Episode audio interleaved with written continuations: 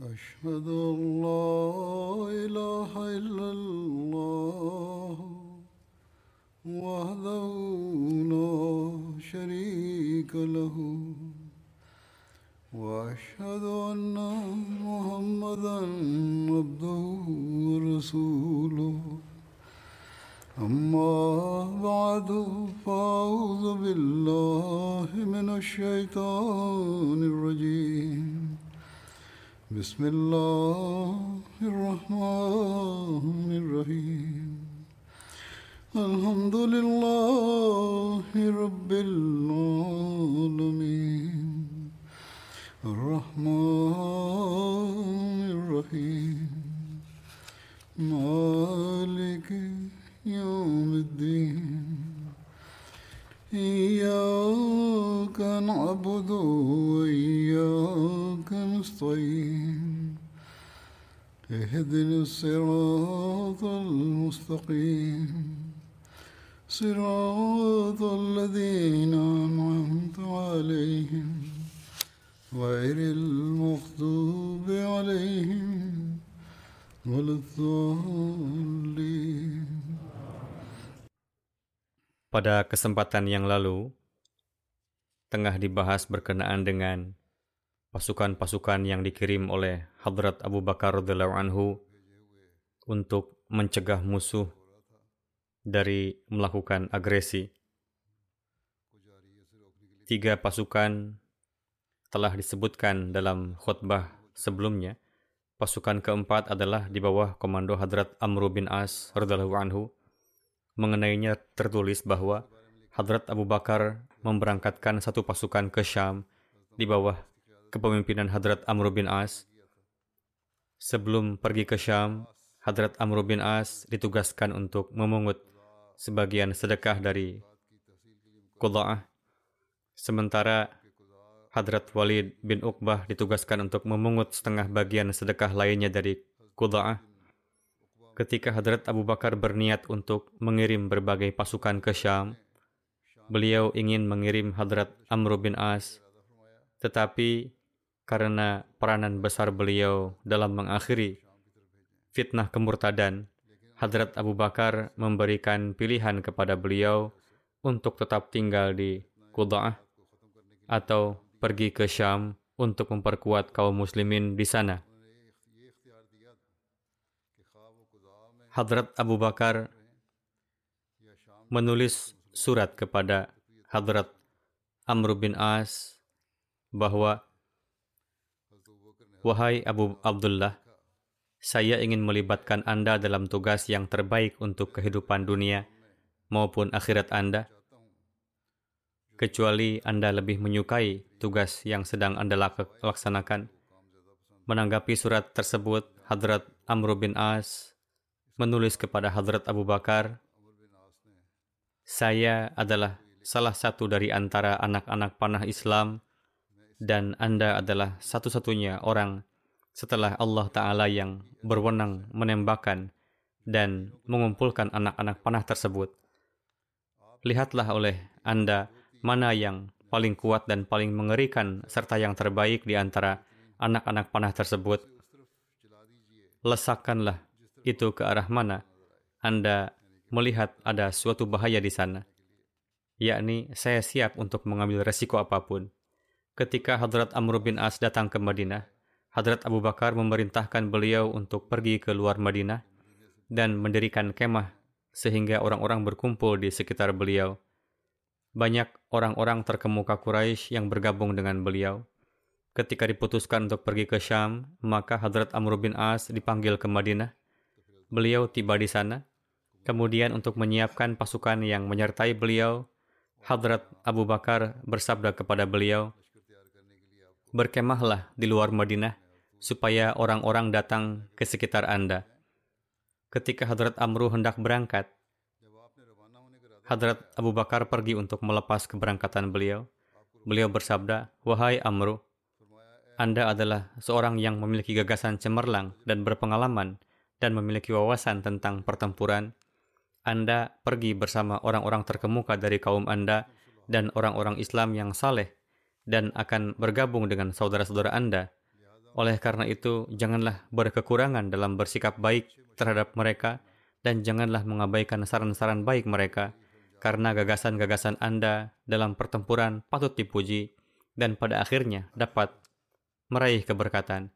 Jika Anda yang memberikan saran, janganlah mengabaikan saran yang baik dari mereka. Jika Anda memiliki suatu gagasan, maka terapkanlah itu. Hadrat Amr bin As berkata, Alangkah baiknya bagi saya jika saya menunjukkan bahwa pemikiran Anda ini benar dan pendapat Anda mengenai diri saya tidak keliru. Hadrat Amr bin As berangkat bersama dengan pasukannya. Pasukan beliau berjumlah antara 6 hingga 7 ribu orang dan tempat tujuan mereka adalah Palestina. Hadrat Amru menyiapkan kekuatan yang terdiri dari seribu mujahidin dan mengirimkannya untuk menyerang Romawi di bawah kepemimpinan Hadrat Abdullah bin Umar Pasukan ini bertempur dengan orang-orang Romawi dan memporak-porandakan kekuatan musuh dan meraih kemenangan atas mereka. Lalu mereka kembali dengan beberapa tahanan. Dengan menginterogasi para tawanan ini, Hadrat Amr bin As mengetahui bahwa pasukan Romawi sedang bersiap untuk melakukan serangan mendadak terhadap kaum muslimin di bawah kepemimpinan Ruiz. Berbekal informasi tersebut, Hadrat Amru mengorganisir pasukannya Ketika pasukan Romawi menyerang, kaum muslimin berhasil menghentikan serangan mereka dan memaksa pasukan Romawi untuk mundur dan kemudian melakukan serangan balik, menghancurkan kekuatan musuh dan memaksa mereka untuk melarikan diri dan meninggalkan medan pertempuran. Pasukan Islam mengejar mereka dan ribuan tentara Romawi terbunuh.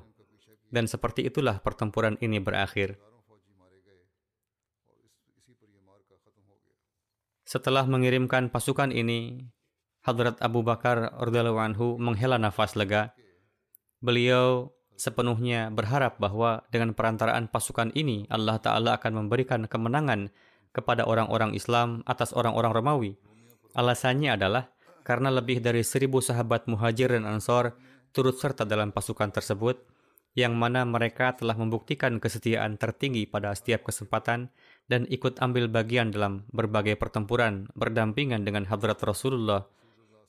Di antara mereka terdapat para ahli badar yang mengenai mereka hadrat Rasulullah memohon di hadapan Tuhan, yakni, Ya Allah, jika hari ini engkau membiarkan jemaat yang kecil ini hancur, maka di masa depan tidak akan ada yang menyembah engkau. Kemudian tertulis bahwa Raja Romawi Heraklius saat itu sedang berada di Palestina. Ketika ia menerima berita mengenai persiapan kaum muslimin, ia mengumpulkan para pemimpin wilayah dan menyampaikan pidato yang menggugah semangat di hadapan mereka dan membuat mereka siap untuk berperang melawan kaum muslimin.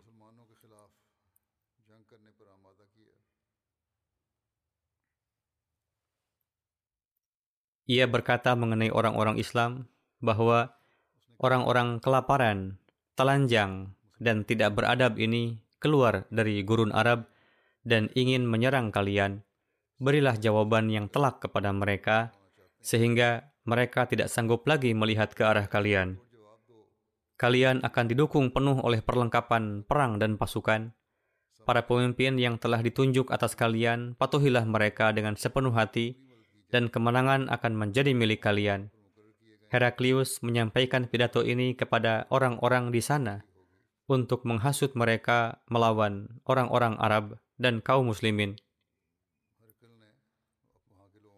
Setelah mengobarkan semangat orang-orang Palestina untuk melawan kaum muslimin, Heraklius datang ke Damaskus. Dari sana ia pergi ke Hims dan Antakya dan sebagaimana yang ia lakukan di Palestina, di daerah-daerah tersebut ia menyampaikan pidato yang menggugah semangat dan menyemangati orang-orang di sana untuk berperang melawan umat Islam. Dengan menjadikan Antakya sebagai markasnya, ia memulai mempersiapkan diri untuk berhadapan dengan kaum muslimin. Roma memiliki dua pasukan di Syam, satu di Palestina dan yang lainnya di Antakya. Dan kedua pasukan ini berpusat di tempat-tempat berikut. Yang pertama adalah Antakya, Ini adalah ibu kota Syam selama masa kekaisaran Romawi. Kedua adalah Kansrin yang merupakan perbatasan Syam yang menghadap Persia di barat laut. Ketiga adalah Hims. Ini merupakan perbatasan Syam yang menghadap Persia di timur laut. Yang keempat adalah Uman yang merupakan ibu kota Balka. Di sini terdapat benteng yang kokoh dan terjaga. Yang kelima adalah Ajnaden. Ini merupakan pusat militer Romawi di selatan Palestina yang terhubung dengan perbatasan timur dan barat Arab serta perbatasan Mesir. Yang keenam adalah Kesaria yang berlokasi 13 km dari Haifa di utara Palestina dan reruntuhannya masih tersisa hingga sekarang. Pusat komando tertinggi Romawi adalah Antakya dan Hims. Didapati juga dalam sebuah riwayat bahwa ketika Heraklius mendapatkan berita mengenai kedatangan pasukan Islam, ia pertama-tama menyarankan kepada kaumnya untuk menahan diri dari perang dan berkata, Aku berpendapat bahwa kalian harus berdamai dengan orang-orang Islam. Demi Tuhan, jika kalian berdamai dengan mereka dengan memberikan setengah dari hasil bumi Syam dan setengahnya lagi dari hasil bumi serta wilayah Romawi, tetap di tangan kalian, maka hal ini lebih baik bagi kalian daripada mereka menguasai seluruh wilayah Syam dan setengah dari wilayah Romawi. Namun orang-orang Romawi beranjak pergi dan tidak mendengarkan perkataannya. Oleh karena itu, ia mengumpulkan mereka dan mereka membawa mereka ke Hims dan di sana ia mulai mempersiapkan laskar dan bala tentara. Setelah ke Hims, Heraklius pergi ke Antakia. Dikarenakan ia memiliki jumlah pasukan yang sangat besar, ia memutuskan untuk mengirim pasukan terpisah melawan setiap pasukan muslim untuk melemahkan setiap bagian pasukan muslim dengan perantaraan lawannya. Oleh karena itu, ia mengirim saudaranya, Tazarik, dengan 90 ribu pasukan untuk melawan Hadrat Amru dan mengirim Jarja bin Tuzal untuk melawan Hadrat Yazid bin Abu Sufyan.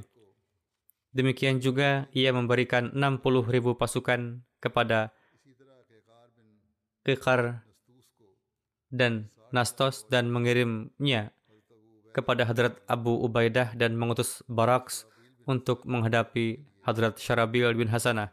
Ketika Hadrat Abu Ubaidah bin Jarrah berada di dekat Jabiyah, seseorang datang kepada beliau dengan membawa berita bahwa Heraklius ada di Antakya dan ia telah menyiapkan pasukan yang sedemikian rupa besar untuk berperang melawan Anda, sehingga bahkan di antara nenek moyangnya pun tidak pernah ada yang menyiapkan laskar sebanyak itu untuk menghadapi kaum-kaum sebelum Anda. Atas hal itu, Hadrat Abu Ubaidah menulis surat kepada Hadrat Abu Bakar, saya telah menerima informasi bahwa Raja Heraklius telah datang dan menetap di sebuah kota di Syam bernama Antakya dan ia mengirim orang kepada rakyat yang ada di bawah kekuasaannya untuk mengumpulkan mereka. Kemudian orang-orang datang kepada Heraklius, baik itu harus melalui jalan yang sulit maupun mudah. Oleh karena itu, saya merasa bahwa sudah sepatutnya saya mengirimkan informasi ini kepada Anda sehingga Anda dapat memutuskannya. Sebagai balasan kepada Hadrat Abu Hurairah Abu Ubaidah, Hadrat Abu Bakar menulis yang isinya, saya telah menerima surat Anda dan saya telah memahami apa yang Anda tulis berkenaan dengan Raja Heraklius dari Roma. Kemudian beliau bersabda, tinggalnya di Antakya adalah merupakan kekalahan dia beserta kawan-kawannya dan dalam hal ini terdapat kemenangan bagi Anda dan kaum muslimin dari Allah Ta'ala. Tidak ada yang perlu ditakutkan. Apa yang telah Anda tulis tentang Heraklius mengumpulkan orang-orang dari kerajaannya dan menghimpun sejumlah besar orang, saya dan Anda telah mengetahui sejak sebelumnya bahwa mereka akan melakukan ini. Karena tidak ada suatu bangsa yang akan meninggalkan rajanya atau pergi meninggalkan negerinya tanpa melakukan perlawanan. Kemudian beliau menulis, Alhamdulillah, saya mengetahui bahwa banyak orang-orang Islam yang berperang melawan mereka mencintai kematian seperti musuh mencintai kehidupan. Dan mereka mengharapkan pahala yang besar dari Allah Ta'ala dalam perjuangan mereka, dan mereka memiliki kecintaan yang lebih besar terhadap jihad fi sabilillah daripada kecintaan mereka terhadap wanita, perawan, dan barang-barang berharga. Di antara mereka ada seorang muslim yang lebih baik daripada seribu musyrik dalam peperangan. Perangilah mereka dengan pasukan Anda dan janganlah khawatir berkenaan dengan alasan orang-orang Islam yang tidak hadir menyertai Anda. Sesungguhnya Allah yang puji sanjung atasnya amatlah tinggi. Bersamamu dan seiring dengan itu saya akan mengirim orang-orang untuk membantu Anda yakni saya juga akan mengirimkan pasukan lainnya yang akan cukup bagi Anda dan Anda tidak akan menginginkan lebih banyak lagi insya Allah. Wassalam demikian pula surat Hadrat Amr bin As diterima oleh Hadrat Abu Bakar Hadrat Abu Bakar memberikan jawaban dan menulis yang isinya saya menerima surat Anda yang menyebutkan tentang penghimpunan kekuatan pasukan Romawi. Ingatlah bahwa Allah Ta'ala tidak memberikan kemenangan dan pertolongan kepada kita beserta nabinya dengan berdasarkan jumlah pasukan yang besar. Kondisi kita dahulu adalah kita berjihad bersama Rasulullah dan kita hanya memiliki dua kuda dan kita juga menunggangi unta secara bergiliran. Pada hari Uhud, kita bersama Rasulullah dan kita hanya memiliki satu kuda yang ditunggangi Rasulullah. Namun meskipun demikian, Allah Ta'ala menganugerahkan kepada kita keunggulan atas musuh kita dan menolong kita. Beliau bersabda, Ingatlah, Amru, orang yang paling taat kepada Allah adalah orang yang paling membenci dosa. Taatilah Allah dan perintahkanlah teman-teman Anda untuk juga mentaati Allah. Hadrat Yazid bin Abu Sufyan juga seraya menuliskan situasi di sana memohon bantuan kepada Hadrat Abu Bakar radhiyallahu anhu yang mana sebagai jawaban Hadrat Abu Bakar radhiyallahu anhu menulis Ketika Anda menghadapi mereka, bawalah sahabat Anda, seranglah mereka dan perangi mereka. Allah Ta'ala tidak akan mempermalukanmu. Allah Ta'ala telah memberitahu kita bahwa dengan izin Allah, kelompok yang kecil akan menang atas kelompok yang besar. Namun demikian, saya juga mengirimkan mujahidin demi mujahidin untuk membantu Anda hingga mencukupi bagi Anda dan Anda tidak akan merasa memerlukan lebih banyak lagi. Insya Allah. Wassalam. Lalu Hadrat Abu Bakar anhu menandatanginya. Hadrat Abu Bakar memberikan surat ini kepada Hadrat Abdullah bin Kurd untuk dibawa kepada Hadrat Yazid. Lalu Hadrat Abdullah pergi membawa surat beliau tersebut hingga sampailah kepada Hadrat Yazid dan beliau membaca surat ini di hadapan kaum muslimin yang membuat kaum muslimin sangat senang. Hadrat Abu Bakar memanggil Hashim bin Utbah dan bersabda kepadanya, Wahai Hashim, sungguh Anda orang yang beruntung dan bernasib baik karena Anda termasuk di antara orang-orang yang dari dirinya umat Islam mendapatkan bantuan dalam jihad melawan musuh-musuh mereka, yakni orang-orang musyrik dan yang diberikan amanah dan kepercayaan oleh penguasa karena niatan baiknya, gagasannya yang cemerlang, kesuciannya dan kemampuannya dalam berperang. Hadrat Abu Bakar bersabda kepada Hashim, kaum muslimin menulis surat kepadaku untuk memohon bantuan guna menghadapi musuh mereka, orang-orang kafir, maka bawalah kawan-kawanmu dan bergabunglah dengan mereka. Saya sedang mempersiapkan orang-orang untuk pergi bersama Anda. Berangkatlah dari sini hingga bergabung dengan Abu Ubaidah. Hadrat Abu Bakar berdiri di tengah orang-orang dan menyampaikan puji sanjung kehadirat Allah Ta'ala. Setelah itu, beliau bersabda, Amma ba'du. Sesungguhnya sebagian saudara muslim kalian dalam keadaan sehat walafiat, dan ada pula yang terluka dan sedang dirawat. Allah Ta'ala telah menempatkan rasa takut di hati musuh. Mereka telah berlindung di benteng mereka dan menutup pintu mereka. Pembawa pesan dari umat Islam telah membawa berita bahwa Kaisar Heraklius telah melarikan diri dari mereka dan berlindung di sebuah pemukiman di pinggiran Syam. Ia telah mengirimi kami kabar bahwa Heraklius telah mengirim pasukan yang besar dari tempat tersebut untuk memerangi kaum muslimin. Saya menghendaki untuk mengirim pasukan Anda guna membantu saudara-saudara muslim Anda. Allah Ta'ala akan menyokong mereka dengan perantaraan pasukan ini, yakni dia akan memperkuat kaum muslimin dengan perantaraan pasukan ini dan akan menghinakan musuh dan akan meresapkan rasa takut terhadapnya dalam hati mereka. Semoga Allah Ta'ala mengasihi kalian. Bersiaplah bersama Hashim bin Utbah dan harapkanlah pahala serta ganjaran dari Allah Ta'ala.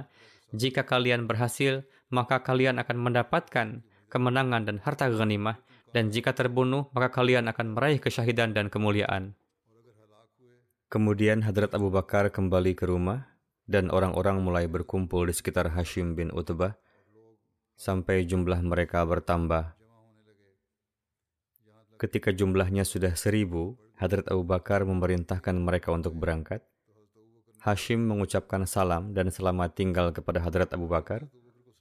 Hadrat Abu Bakar bersabda kepada Hadrat Hashim, Wahai Hashim, kami dulu biasa mengambil manfaat dari nasihat dan usaha yang baik dari para sesepuh, dan kami biasa mengandalkan kesabaran, kekuatan, dan keberanian dari yang muda, dan Allah Ta'ala telah mengumpulkan semua kualitas ini di dalam dirimu, kamu pun masih remaja dan akan beranjak dewasa ketika kamu dikelilingi oleh musuh, lawan dan tunjukkan kesabaran, dan ingat bahwa apa pun langkah yang kamu ambil di jalan Allah, apa pun yang kamu belanjakan, bagaimanapun rasa haus, lelah, dan lapar yang kamu derita, sebagai balasannya, Allah akan mencatatnya sebagai amalan saleh.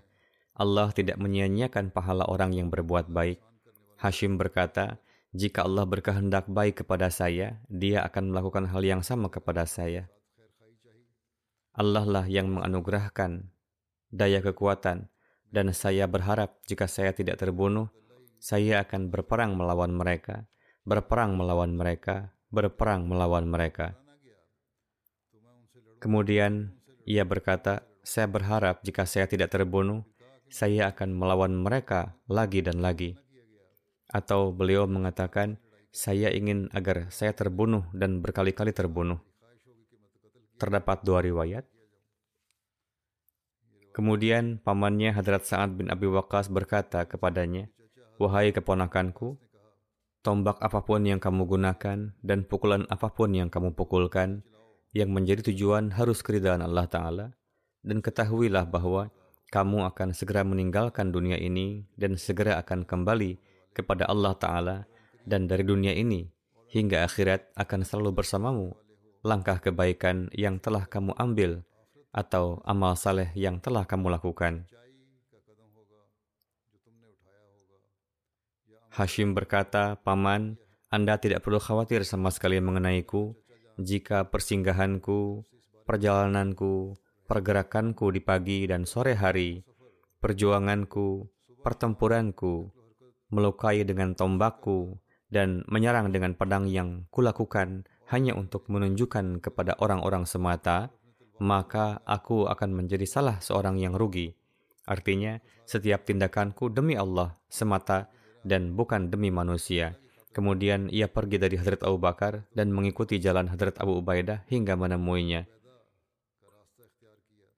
Orang-orang muslim senang dengan kedatangan mereka dan satu sama lain saling memberikan kabar suka kedatangan mereka. Berita itu sampai kepada Hadrat Sa'id bin Amr bin Huzaim bahwa Hadrat Abu Bakar ingin mengirimnya ke jihad di Syria. Ini adalah tentara lain yang sedang dipersiapkan oleh Hadrat Abu Bakar. Hadrat Sa'id berpikir bahwa beliau akan bertindak sebagai komandan laskar tersebut, tetapi ketika Hadrat Abu Bakar menunda selama beberapa hari dan menahan diri untuk tidak mengatakannya selama beberapa hari, Hadrat Sa'id datang kepada Hadrat Abu Bakar dan berkata, Wahai Huzur, demi Allah, saya telah mendengar berita bahwa Huzur beriradah untuk mengirim saya menuju bangsa Romawi, tetapi kemudian saya melihat Huzur terdiam saya tidak tahu apa yang ada di hati Huzur tentang saya. Jika Huzur beriradah untuk mengirim orang lain sebagai komandan, maka mohon kirimkan saya juga bersamanya. Jika Huzur tidak beriradah untuk mengirim siapa pun, saya tertarik pada jihad. Izinkan saya untuk bergabung dengan kaum muslimin. Semoga Allah Ta'ala merahmati Anda. Telah disebutkan di depan saya bahwa orang-orang Romawi telah mengumpulkan pasukan yang sangat besar. Hadrat Abu Bakar bersabda, Wahai Said bin Amir, semoga wujud yang paling penyayang dari semua yang penyayang mengasihimu. Sepengetahuan saya, kamu termasuk orang-orang yang rendah hati, bersilaturahmi, rajin tahajud, dan banyak mengingat Allah. Hadrat Sa'id bertanya kepada Hadrat Abu Bakar, Semoga Allah merahmati huzur. Allah Ta'ala memiliki lebih banyak ihsan untuk saya daripada ini. Merupakan karunia dan ihsannya semata. Demi Tuhan, sejauh yang saya tahu, huzur adalah yang menyampaikan kebenaran dengan lantang, berdiri tegak di atas keadilan, sangat penyayang kepada orang-orang beriman, dan keras dalam menghadapi orang-orang kafir. Anda memutuskan dengan adil dan tidak memihak siapa pun dalam membagikan harta. Atas hal itu, Hadrat Abu Bakar bersabda kepadanya, Cukup wahai Sa'id, cukuplah. Semoga Allah memberkatimu. Pergi dan bersiaplah untuk berperang. Saya akan mengirim laskar kepada kaum muslim yang berada di Suriah, dan saya menunjukmu sebagai komandannya. Kemudian Hadrat Abu Bakar memerintahkan Hadrat Bilal untuk mengumumkannya kepada orang-orang. Lalu Hadrat Bilal mengumumkan, Wahai umat muslim, bersiaplah untuk bergerak menuju Suriah bersama Hadrat Sa'id bin Amir bin Hizam. Dalam beberapa hari, 700 orang telah siap bersamanya. Dan ketika Hadrat Sa'id beriradah untuk berangkat, Hadrat Bilal datang ke hadapan Hadrat Abu Bakar dan berkata, Wahai Khalifah Rasulullah, jika Anda telah membebaskannya demi Allah, agar aku menjadi penguasa jiwaku dan bergerak ke arah yang bermanfaat, maka izinkan aku berjihad di jalan Tuhanku. Jihad lebih saya cintai daripada duduk. Hadrat Abu Bakar bersabda, Allah menjadi saksi bahwa untuk itulah saya membebaskan Anda dan saya tidak meminta imbalan atau rasa terima kasih apa pun. Tanah ini luas, jadi ambillah jalan mana pun yang Anda suka. Hadrat Bilal berkata, Wahai Sang Siddiq, mungkin Anda telah kecewa dengan saya karena ini, dan Anda marah kepada saya. Hadrat Abu Bakar bersabda, Tidak, demi Tuhan, saya tidak marah karena hal itu. Saya ingin Anda tidak meninggalkan keinginan Anda karena keinginan saya. Karena keinginan Anda memanggil Anda untuk menaati Allah. Hadrat Bilal berkata, jika Huzur menghendaki, saya akan tinggal bersama Huzur.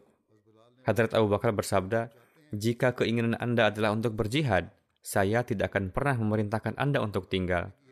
Saya menginginkan Anda hanya untuk azan dan, wahai Bilal, saya merasa tidak enak dengan perpisahanmu. Tetapi perpisahan seperti ini diperlukan, yang setelahnya kita tidak akan bertemu hingga hari kiamat. Wahai Bilal, teruslah beramal saleh, Amal saleh ini adalah bekalmu dari dunia ini. Selama Anda hidup, Allah akan mengingatmu karena ini, dan ketika Anda meninggal nanti, Dia akan memberimu pahala yang terbaik. Hadrat Bilal berkata kepada Hadrat Abu Bakar, Semoga Allah Ta'ala menganugerahkan kepada Anda ganjaran berkat teman dan saudara ini. Demi Allah, perintah yang telah Anda berikan untuk bersabar dalam ketaatan kepada Allah dan dawam dalam melakukan amal saleh, ini bukanlah hal baru dan saya tidak ingin mengumandangkan azan bagi siapa pun sepeninggal Rasulullah. Kemudian Hadrat Bilal juga pergi bersama Hadrat Sa'id bin Amir. Saya juga ingin memohon, jika saya harus tetap tinggal hanya untuk mengumandangkan azan, maka keinginan saya adalah agar saya tidak mengumandangkan azan karena hati saya tidak menyertai untuk mengumandangkan azan untuk siapa pun sepeninggal Rasulullah. Setelah itu, lebih banyak orang berkumpul di sekitar Hadrat Abu Bakar. Hadrat Abu Bakar mengangkat Hadrat Muawiyah menjadi komandan atas mereka dan memerintahkannya untuk menemui saudaranya, Hadrat Yazid. Hadrat Muawiyah pergi dan menemui Hadrat Yazid. Ketika Hadrat Muawiyah melewati Hadrat Khalid bin Sa'id, maka bagian sisa pasukan beliau bergabung bersamanya. Kemudian Hamzah bin Abu Bakar Hamdani datang ke hadapan Hadrat Abu Bakar dengan membawa pasukan Jumlah pasukan tersebut mendekati seribu atau bahkan lebih. Ketika Hadrat Abu Bakar melihat jumlah dan persiapan mereka, beliau sangat senang dan bersabda, Segala puji sanjung atas nikmat Allah atas kaum muslim adalah miliknya. Allah selalu membantu umat Islam melalui orang-orang ini dan memberi mereka kenyamanan. Dengan ini dia memperkuat punggung kaum muslimin dan mematahkan punggung musuh mereka. Kemudian Hamzah bertanya kepada Hadrat Abu Bakar, apakah ada orang lain yang akan menjadi amir bagi saya selain huzur? Hadrat Abu Bakar bersabda, ya, kami telah menunjuk tiga komandan. Anda dapat bergabung dengan siapa pun yang Anda inginkan. Kemudian ketika Hamzah bertemu dengan kaum muslimin dan menanyakan kepada mereka, siapa di antara para komandan ini yang terbaik dan terbaik dalam hal persahabatan dengan Nabi Suci, beliau diberitahu bahwa orang itu adalah Hadrat Abu Ubaidah bin Jarrah. Lalu beliau menjumpai Hadrat Abu Ubaidah. Ini juga merupakan bentuk rasa cinta mereka kepada Nabi Shallallahu Alaihi Wasallam bahwa mereka ingin bersama dengan siapa pun yang dekat dengan Nabi Shallallahu Alaihi Wasallam. Delegasi jihad terus datang ke Madinah dan Hadrat Abu Bakar terus mengirim mereka dalam ekspedisi. Di sisi lain, Hadrat Abu Ubaidah terus menulis surat kepada Hadrat Abu Bakar menyatakan bahwa bangsa Romawi dan suku-suku pinggiran mereka berkumpul dalam jumlah besar untuk memerangi kaum muslim. Untuk itu, mohon petunjuk huzur apa yang harus dilakukan dalam situasi seperti ini. Sebagai hasil dari surat dari Hadrat Abu Ubaidah yang berturut-turut, Hadrat Abu Bakar memutuskan untuk mengirim Hadrat Khalid bin Walid ke Suriah. Hadrat Abu Bakar bersabda, Demi Allah, saya akan membuat orang Romawi melupakan bisikan jahat mereka melalui Khalid bin Walid. Hadrat Khalid berada di Irak pada saat Hadrat Abu Bakar memerintahkan Hadrat Khalid untuk pergi ke Suriah dan mengambil alih komando pasukan Islam di sana. Beliau menulis, Amma ba'du. Saya telah mempercayakan kepemimpinan perang melawan musuh di Suriah kepada Khalid. Anda jangan menentangnya. Dengarkanlah dia dan patuhilah perintahnya saya tidaklah menunjuk Khalid sebagai atasanmu. Bukanlah karena Anda tidak lebih unggul darinya, melainkan menurut hemat saya, kemahiran yang ia miliki dalam berperang tidak Anda miliki. Semoga Allah Ta'ala hanya berniat baik untuk kita dan untuk Anda. Wassalam.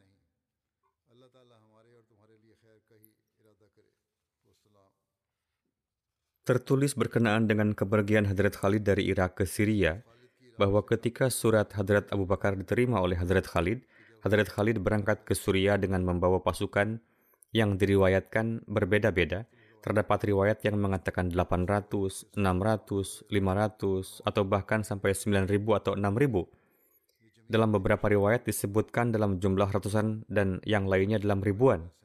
Alhasil, mereka berangkat ke Suria. Ketika Hadrat Khalid bin Walid tiba di Karakar, Beliau melancarkan serangan di sana dan kemudian setelah perjalanan yang sangat sulit melintasi padang pasir, beliau tiba di Sania Al-Aqab, dekat Damaskus, mengibarkan bendera hitamnya. Ter tertulis tentang bendera ini bahwa itu adalah bendera Rasulullah SAW yang bernama Iqab, yakni elang. Karena bendera ini, nama ngarai ini juga dikenal sebagai Saniatul Aqab. Setelah itu, Hadrat Khalid tinggal di suatu tempat yang berjarak satu mil dari gerbang timur Damaskus. Disebutkan dalam beberapa riwayat bahwa Hadrat Abu Ubaidah bertemu dengannya di sini dan pengepungan musuh sebenarnya dimulai pada hari yang sama. Disebutkan juga dalam beberapa riwayat bahwa Hadrat Khalid tidak tinggal lama di depan Damaskus, tetapi terus maju dan mencapai Qanat Busra. Ketika Hadrat Khalid bin Walid tiba di Busra bersama kaum muslim, semua tentara berkumpul di sini dan mereka semua menjadikannya amir mereka dalam pertempuran tersebut. Mereka mengepung kota. Ada yang mengatakan bahwa pemimpin perang ini adalah Hadrat Yazid bin Abu Sufyan karena berada di bawah kendali Damaskus, di mana dia adalah gubernur dan pemimpinnya. Penduduk tempat ini sepakat bahwa mereka akan membayar jizyah kepada kaum muslimin dan kaum muslimin akan melindungi hidup mereka dan harta mereka dan anak-anak mereka. Kemudian pertempuran Ajnadain atau Ajnadin tertulis mengenai kedua nama tersebut. Tentang hal itu tertulis bahwa ini adalah nama sebuah pemukiman terkenal di pinggiran kota Palestina. Setelah penaklukan Busra, Hadrat Khalid, Hadrat Abu Ubaidah, Hadrat Syarabil bersama Hadrat Yazid bin Abu Sufyan berangkat ke Palestina menuju Hadrat Amr bin As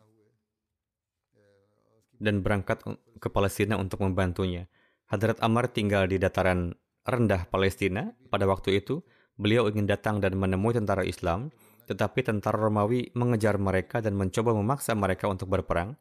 Ketika orang-orang Romawi mendengar tentang kedatangan kaum muslimin, mereka mundur ke Ajnadain. Ketika Hadrat Amr bin As mendengar tentang tentara Islam, ia berjalan dari sana sampai bertemu tentara Islam dan kemudian mereka semua berkumpul di daerah Ajnadain dan berbaris di depan tentara Romawi. Dalam riwayat lain dikatakan bahwa Hadrat Khalid mengepung Damaskus bukan Busra. Sebelum pergi ke Ajnadain dan Hadrat Abu Ubaidah juga bersamanya. Selama pengepungan ini, Heraklius juga mengirim pasukan untuk membantu orang-orang Damaskus yang dengannya pasukan band Muslim bentrok yang akan dijelaskan kemudian dalam topik kemenangan Damaskus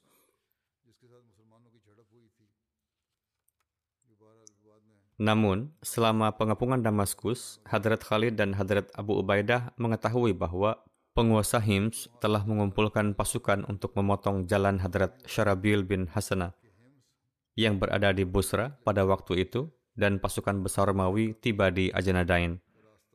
Berita ini mengkhawatirkan Hadrat Khalid dan Hadrat Abu Ubaidah karena mereka sedang berperang dengan penduduk Damaskus saat itu. Hadrat Khalid dan Hadrat Abu Ubaidah saling berkonsultasi mengenai hal ini.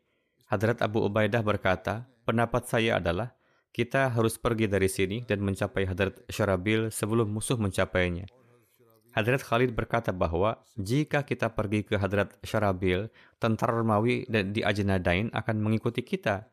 Jadi pendapat saya adalah kita harus menargetkan tentara besar yang sama yang hadir di Ajnadain dan mengirim pesan kepada Hadrat Syarabil agar mengetahui pergerakan musuh ke arah mereka dan instruksikan agar mereka bergabung dengan kami di Ajnadain. Demikian pula, kirimkan pesan kepada Hadrat Yazid bin Abi Sufyan dan Hadrat Amr untuk datang dan bergabung dengan kami di Ajnadain. Kemudian kita akan memerangi musuh. Mengenai hal ini, Hadrat Abu Ubaidah mengatakan bahwa pendapat ini sangat bagus Semoga Allah memberkatinya. Kita amalkan ini. Menurut se sebuah riwayat, Hadrat Abu Ubaidah menasihati Hadrat Khalid bahwa tentara kita tersebar di berbagai tempat di Suriah. Untuk itu surat harus ditulis kepada mereka semua agar mereka datang menemui kita di Ajnadain. Ketika Hadrat Khalid memutuskan untuk pergi dari Damaskus ke Ajnadain, ia menulis surat kepada semua komandan dan menyuruh mereka berkumpul di Ajnadain Hadrat Khalid dan Hadrat Abu Ubaidah juga meninggalkan pengepungan Damaskus bersama orang-orang dan bergegas menuju orang-orang Ajnadain. Hadrat Abu Ubaidah berada di belakang tentara. Penduduk Damaskus mengejar Hadrat Abu Ubaidah dan mengepungnya. Beliau bersama 200 orang. Sebenarnya ini adalah kafilah yang terdiri dari para wanita, anak-anak, dan barang-barang. Menurut satu riwayat, Terdapat juga seribu prajurit berkuda untuk menjaga dan melindungi mereka. Alhasil, saat itu jumlah pasukan Damaskus sangatlah besar dan Hadrat Abu Ubaidah menghadapi pertempuran sengit melawan mereka. Tatkala hal ini sampai pada Hadrat Khalid yang tengah ada di depan bersama pasukan berkuda, maka beliau lantas kembali dan orang-orang yang bersama beliau pun kembali. Lalu pasukan berkuda menyerang pasukan Romawi dan menjatuhkan mereka satu sama lain serta memukul mundur mereka sampai tiga mil hingga mereka masuk kembali ke Damaskus. Dari arah lain, pasukan Romawi yang berkemah di Ajnadain memerintahkan melalui surat kepada pasukan mereka yang lain agar datang ke Ajnadain. Pasukan Romawi ini tengah pergi ke Busra dengan tujuan menyerang Hadrat Syarabil. Alhasil, pasukan itu pun tiba di Ajnadain. Demikian pula, sesuai petunjuk Hadrat Khalid, segenap pasukan Islam berkumpul di Ajnadain. Panglima pasukan Romawi saat itu ingin menyuruh kaum muslimin pulang dengan memberi mereka sesuatu karena mereka pun beranggapan seperti halnya kaum Persia bahwa kaum muslim hanyalah orang-orang yang lapar dan telanjang dan mereka keluar dari negeri miskin mereka untuk mencuri. Mereka sama sekali tidak berpikir akan adanya tujuan luhur yang dimiliki oleh kaum muslim yang mereka anggap sejak berabad-abad hanyalah bangsa Arab penghuni gurun yang jahil, tidak beradab, miskin, dan sengsara. Alhasil, mereka menyodorkan kepada Hadrat Khalid bahwa Jika beliau dan pasukan beliau pulang, maka setiap prajurit akan diberikan satu turban, sepasang pakaian, dan satu dinar emas. Lalu panglima pasukan akan diberi sepuluh pasang pakaian dan seratus dinar emas, dan khalifah akan diberi seratus pasang pakaian dan seribu dinar emas. Inilah yang mereka katakan, bahwa kaum muslim hanyalah para penjahat, sehingga berilah sesuatu dan pulangkanlah mereka. Tatkala Hadrat Khalid mendengar ini, maka beliau menolak pemberian ini mentah-mentah, dan dengan sangat keras beliau berkata, Wahai orang Romawi, kami menolak harta bendamu dengan amat hina, karena dalam waktu singkat kami akan menjadi pemilik segenap harta, keluarga dan diri kalian. Tatkala kedua pasukan telah dekat, maka seorang pemimpin Romawi memanggil seorang Arab dan berkata, Masuklah kamu di tengah kaum muslimin, yakni orang Arab itu sebelumnya bukanlah muslim, dan tinggallah satu hari satu malam di antara mereka, Lalu beritahukanlah keadaan mereka itu kepada saya. Orang itu lalu bersembunyi di tengah-tengah kaum muslim karena ia adalah orang Arab. Ia tidak dianggap asing di tengah kaum muslimin dan ia pun tinggal satu hari satu malam di dalamnya. Lalu ketika ia kembali ke pemimpin Romawi, sang pemimpin lalu bertanya perihal apa yang didapatnya. Ia menjawab, jika kamu menanyakan kabar, maka kabar yang ada adalah bahwa mereka adalah orang-orang yang melalui malam mereka dengan beribadah dan di siang hari mereka menjadi kesatria berkuda. Dalam menegakkan keadilan di antara mereka, jika anak seorang raja mereka sekalipun mencuri, maka tangannya akan dipotong, dan jika berzina, maka akan dirajam. Sang pemimpin Romawi itu berkata kepadanya, "Jika kamu memang berkata jujur kepada saya, maka lebih baik terpendam di kalangan di kalang tanah daripada pergi menghadapi mereka. Saya berkeinginan bahwa cukuplah Allah memperkenankan saya demikian, yaitu biarkanlah saya dan mereka dalam keadaan yang ada masing-masing, di mana dia tidak menolong baik saya maupun mereka. Hal ini tertera di dalam tarikh Tabari. Alhasil, di waktu pagi segenap orang lantas berkumpul, lalu Hadrat Khalid muncul dan mengatur pasukan beliau. Hadrat Khalid berjalan di tengah-tengah mereka seraya menyemangati mereka untuk berjihad. Beliau tidak diam di satu tempat. Lalu beliau memerintahkan kepada segenap muslim wanita agar mereka tetap bersatu dan dengan teguh dan berdiri di belakang kaum muslim. Serukanlah nama Tuhan dan terus berdoalah dengan lafaz itu. Lalu kapan pun ada seorang dari antara pasukan muslim yang datang mendekat, maka tinggikanlah anak-anak kalian ke hadapannya dan serukanlah kepada mereka supaya berperang demi melindungi anak-anak dan wanita-wanita mereka. Hadrat Khalid mendatangi setiap pergu pasukan dan bersabda, Wahai hamba-hamba Tuhan, bertakwalah kepada Allah dan perangilah di jalan Allah segenap orang yang mengingkari Allah dan janganlah berpaling dari tumit-tumit kalian dan janganlah takut akan kebesaran musuh tetapi majulah seperti singa-singa hingga ketakutan itu sirna dan engkau menjadi merdeka dan terhormat. Anda sekalian telah dijanjikan dunia dan balasan akhirat untuk kalian pun telah Allah pastikan bagi kalian. Janganlah Anda sekalian takut dengan banyaknya jumlah musuh yang kalian lihat. Sesungguhnya Allah akan menurunkan azab dan hukumannya. Hadrat Khalid bersabda kepada segenap orang, Tatkala saya maju menyerang, maka kalian pun harus menyerang. Setelah itu terjadi pertempuran yang sengit di antara kedua pasukan. Hadrat Sa'id bin Zaid pun memberi semangat seperti halnya demikian kepada segenap muslim. Wahai manusia, ingatlah kematian kalian nanti di hadapan Allah dan janganlah kalian lari lalu menjadi ahli neraka. Wahai para penjaga agama, wahai para penilawat Al-Quran, bersabar dan bersabarlah. Maka di tengah pertempuran yang dahsyat itu, pasukan Romawi pun melarikan diri untuk menyelamatkan nyawa mereka. Tatkala mereka tiba di tempat mereka, Wardan lalu berpidato di hadapan bangsanya dan berkata, jika seperti inilah terus keadaan kalian, maka daulat dan kerajaan ini akan sirna dari kalian. Jadi hendaknya saat ini pun kalian mencuci karat dalam hati kalian. Hendaknya di dalam hati tidak ada anggapan bahwa mereka yang berperang dengan kita ini adalah orang-orang rendah dan hamba-hamba sahaya Arab yang lapar dan telanjang. Tanah tandus dan kekeringan telah menjadikan mereka datang ke arah kita dan kini mereka telah menikmati berbagai buah-buahan dan telah memakan roti dari gandum, bukan jawawut. Dahulu cuka, kini mereka tengah menggunakan madu. Mereka kini tengah menikmati buah tin, anggur, dan hal-hal istimewa lainnya. Kemudian ia meminta saran dari beberapa pemimpin. Seseorang pemimpin menyarankan, jika kita ingin mengalahkan kaum muslim, maka panggillah amir mereka kemari dengan suatu dalih dan alasan, lalu bunuhlah ia. Maka mereka yang lain pun akan melarikan diri. Pertama, kirimlah 10 prajurit ke tempat terdepan untuk menjebak, lalu panggillah amir kaum muslim dengan dalih berbincang dan bertukar fikiran secara empat mata. Ketika ia telah datang untuk berbincang, maka berilah isyarat kepada prajurit yang telah bersiaga untuk membunuhnya. Maka amir pasukan Romawi pun mengirim seorang yang fasih dan faham Arab kepada Hadrat Khalid.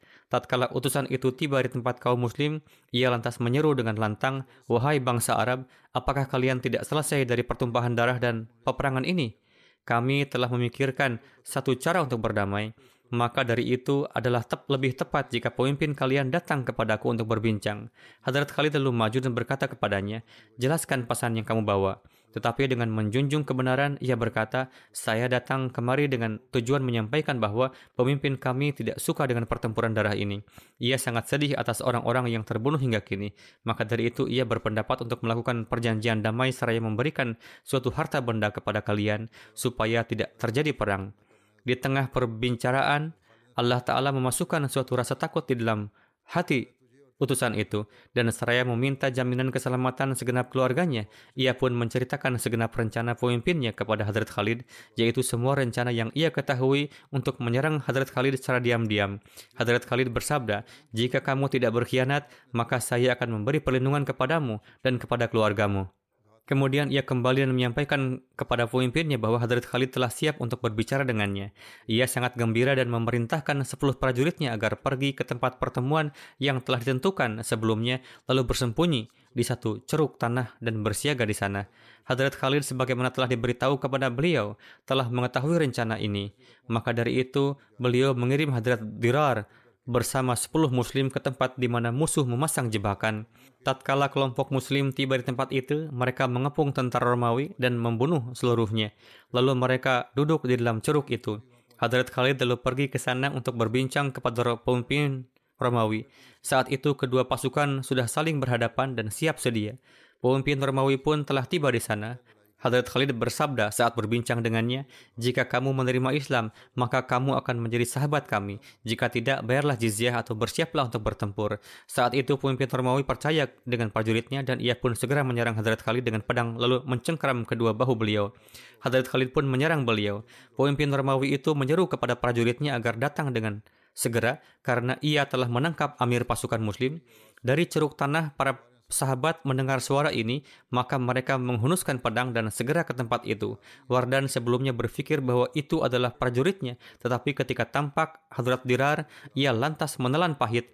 Lalu Hadrat Dirar dan prajurit muslim lainnya pun menghabisinya. Tatkala pasukan Romawi mendapati kabar kematian pemimpin mereka, moral mereka pun jatuh. Selanjutnya mereka menyerang satu sama lain dan pertempuran pun dimulai. Tatkala seorang pemimpin Romawi melihat keadaan peperangan di kaum muslim, ia lalu berkata kepada prajuritnya, tutuplah kepala saya dengan kain. Mereka bertanya, mengapa? Ia menjawab, ini adalah hari yang sangat malang, saya tidak ingin melihatnya. Hingga hari ini saya belum pernah melihat hari yang sangat keras ini. Parawi menuturkan bahwa tatkala prajurit muslim menebas kepalanya saat itu ia tertutup oleh kain. Di pertempuran ini, pasukan Romawi berjumlah hampir 100 ribu prajurit, jumlah prajurit muslim adalah 30 ribu, dan menurut riwayat lain adalah 35 ribu. Di perang ini ada 3 ribu tentara Romawi terbunuh, dan segenap pasukan mereka yang menelan kekalahan terpaksa harus mencari perlindungan di, di berbagai kota-kota. Setelah kemenangan di Ajanadain, Hadrat Khalid bin Walid menyampaikan kabar suka ini kepada Hadrat Abu Bakar melalui surat. Isinya sebagai berikut. Assalamualaikum. Saya menyampaikan kepada Huzur bahwa kami telah bertempur melawan kaum musyrikin di mana mereka mengumpulkan pasukan yang sangat besar di Ajanadain untuk menghadapi kami. Mereka meninggikan salib-salib mereka serta mengangkat kitab-kitab mereka. Lalu mereka bersumpah kepada Allah untuk tidak lari sebelum menghabisi kami atau mengusir kami dari kota mereka.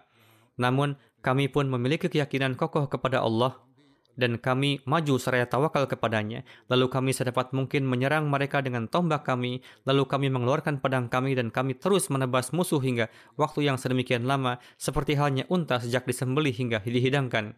Lalu Allah menurunkan pertolongannya, memenuhi janjinya dan mengalahkan segenap orang-orang kafir. Kami menurunkan kematian kepada mereka di setiap medan yang lapang serta setiap bukit dan lembah terhadap anugerah kemenangan untuk agamanya ini, terhadap kehinaan bagi musuhnya, serta perlakuan baik bagi sahabat-sahabatnya ini, segenap puji sanjung hanyalah untuk Allah. Tatkala surat ini dibacakan di hadapan Hadrat Abu Bakar, maka saat itu pula beliau jatuh dalam sakit menjelang kewafatan beliau. Kemenangan ini telah membuat beliau gembira dan beliau bersabda, Alhamdulillah, segala puji sanjung untuk Allah semata, yang telah menolong kaum muslim dan menjadi penyejuk mata saya mengenai perang Ajnadain ini terdapat keraguan kapan terjadinya. Menurut beberapa pendapat, perang ini terjadi di masa Hadrat Umar. Tentang hal ini, ada satu penjelasan yang akan saya sampaikan tentang pertanyaan bahwa kapan terjadinya perang ini, terdapat beberapa riwayat tentangnya. Menurut satu riwayat, perang ini terjadi di tahun 13 Hijriah, yaitu 24 hari, 20 hari, atau 34 hari sebelum kewafatan Hadrat Abu Bakar. Sebagian sejarawan lain menyampaikan bahwa perang ini terjadi di tahun 15 Hijriah di masa kekhalifahan Hadrat Umar.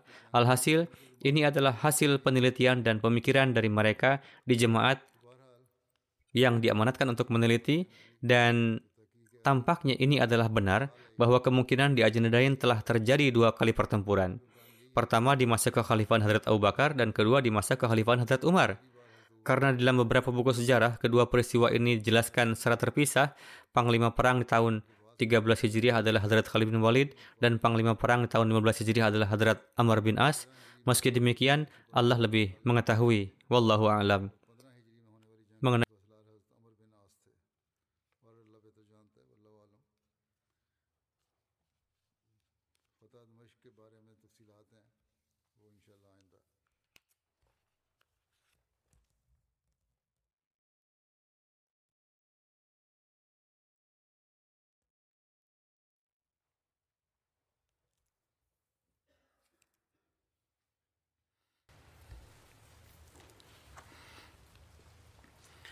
الحمد لله الحمد لله نحمده ونستعينه ونستغفره ونؤمن به ونتوكل عليه ونعوذ بالله من شرور أنفسنا ومن سيئات أعمالنا. من يهده الله فلا مضل له ومن يضلل فلا هادي له. ونشهد أن لا إله إلا الله. ونشهد أن محمدا عبده ورسوله. عباد الله رحمكم الله. إن الله يأمر بالعدل واللسان وإيتاء ذي القربى وينهى عن الفحشاء والمنكر والبغي يعظكم لعلكم تذكرون. اذكروا الله يذكركم وادعوه يستجب لكم ولذكر الله أكبر.